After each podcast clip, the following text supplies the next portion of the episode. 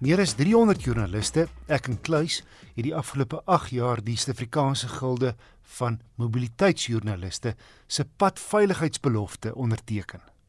Die Gilde nooi nou ook die publiek om hieraan deel te neem.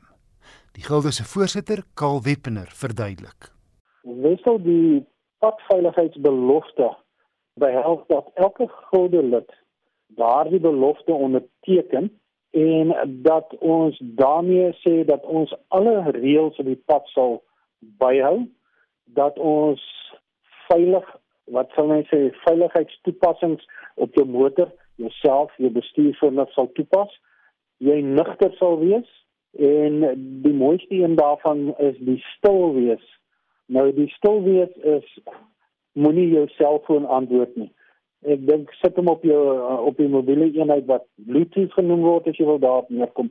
Die groot ding is met die uh, padveiligheidsbelofte is dat nie net ons guldelede nie, maar ook ons padverbruikers bewus sal wees van wat nodig is om te verseker dat jy veilig bestuur en veilig by jou bestemming gaan aankom. En daarom reik ons ook uit na die publiek op ons sosiale media bladsye om die padveiligheid belofte te teken.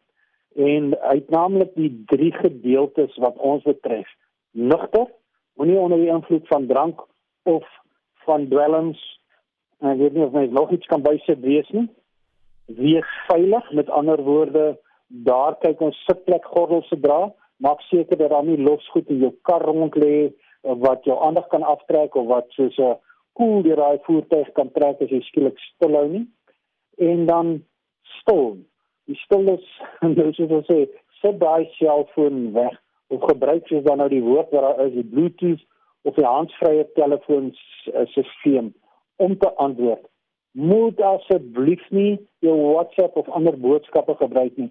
En wie jy ek sien mense dink omdat hulle dit dan nou op die skerm sien van die motorvoertuig self, dan kan hulle dit maar gebruik, maar ek sê vir jou hy trek net soveel aandag af soos ons sê gebruik eerder die tyd in die kar in stilte. Niemand sal vergaan as jy nie 'n boodskap oor 20 of 30 minute lees nie. En dan die ander ding wat daarbey kom, jy weet ons sê vir mense om veilig te wees ook. Bestuur vir 'n halfuur of 'n uur, stop dan, neem 'n koffiebreek of stop iewers. Dan as jy tyd na haal jy jou voetjie uit en jy kyk gou wat is doen wat nodig is en dan gaan jy weer verder. Die 21ste November was die internasionale dag van herinnering van lewensverlies op die wêreld se paaie. En in ons land wil ek dis tragies om te sê maar ons is een van die voorlopers as dit kom in lewensverlies per 1000 mense. Net byvoorbeeld laas Kersseisoen was daar 1210 dodelike verkeersongelukke waarna 1448 mense gesterf het. Hmm. En 34% van daai ongelukke het gebeur gedurende ons COVID aanklokkerie. Dit is tussen middernag en 6 voormiddag. 'n Ander syfer was meer as 54% van ongelukke het op 'n Vrydag of 'n Saterdag of 'n Sondag gebeur. Jo. Dan vat jy 27% van die sterftes was die bestuurders, maar amper 55% was hulle passasiers. En 40% van die doodsyfers was voetgangers taksies is net verantwoordelik vir 8% van die ongelukke in ons land. Ja, hulle doen die meeste verkeersoortredings wat my betref. Maar as jy daarop neerkom, moet ons besef ons is nie sulke goeie bestuurders soos wat ons dink nie.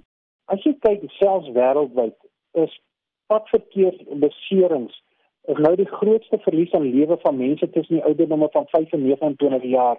Besef ons mense wat dit beteken. Dis ons jong mense, dis ons kinders. En hoekom is dit? Hulle is onoorwinnelik. Gaan nie my gebeur nie. Tragies aan die ander kant, jou kind sit in kerm in die kar, hy wil nie vas wees in die gordel nie en jy laat hom toe en die volgende ding is jy gaan nou begrafnis. Ek is jammer om dit so lelik te sê, maar dis waar dit neerkom. Ja. Of jou kind is so beseer dat hy nooit weer regkom en jy gaan jouself nooit vergewe nie. Ons moet wakker skrik.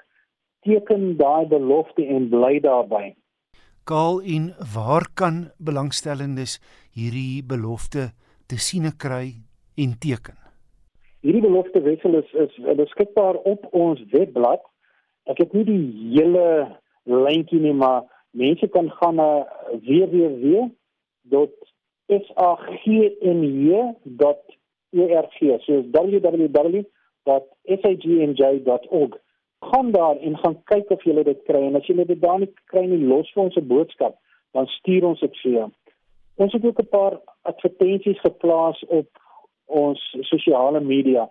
Van hulle is baie grafies, maar ongelukkig is dit alhoewel ou die boodskap uitkry by mense dat hulle die erns van die saak kan raak sien. Ons kom nou weer na Kersseisoen toe, 'n vakansieseisoen. Mense, kom ons probeer hierdie tragiese ongelukke uitskakel so ver as moontlik. Kaal uh, ons het nou klem gelê op sterftes, maar vir elke sterfte is daar sekerlik 2 of 3 mense wat beseer of vermink of selfs uh, verlam gelaat word, nê? Wie jy wissel, jy kan 'n uh, werk op 'n gemiddeld van 3 tot 4 persone wat beseer word. En nou praat ek van fisiese beserings. Dan as jy gaan kyk na die traumatiese ervarings wat daarmee kom, is dit nie net die mense wat in die voertuig is nie, maar ook die mense wat dit waarneem. Dis as jy kundige skok op uh, mense wat jy jy kom nie daaroor nie. En weet jy as jy in so iets ongeloop of vasgery het soos wat ek al 'n paar keer ongelukkig uh, moes doen, ek was daar en ek moes help. Uh, nee, dit is duidelik duidelik voor my gesig tot vandag toe nog. En dit is nie mooi om daar mense te sien, en kinders te sien wat dood in 'n pad lê nie. Maar dan kan ek jou ook dit sê in die 4 of 5 gevalle waar ek mense al gehelp het in ernstige botsings, het ek nog nooit 'n man of 'n persoon agter 'n stuur of in 'n motor uitgehaal wat dood is terwyl hy sy uh, veiligheidsgordel aangetree het nie. Almal wat so uitgekom het, nie een veiligheidsgordel gedra nie. Mense, dit is nie altyd lekker met daai gordel nie, maar rassies, dit is noodsaaklik. Karl Wippener, die voorsitter van die Suid-Afrikaanse Gilde van Mobiliteitsjoernaliste.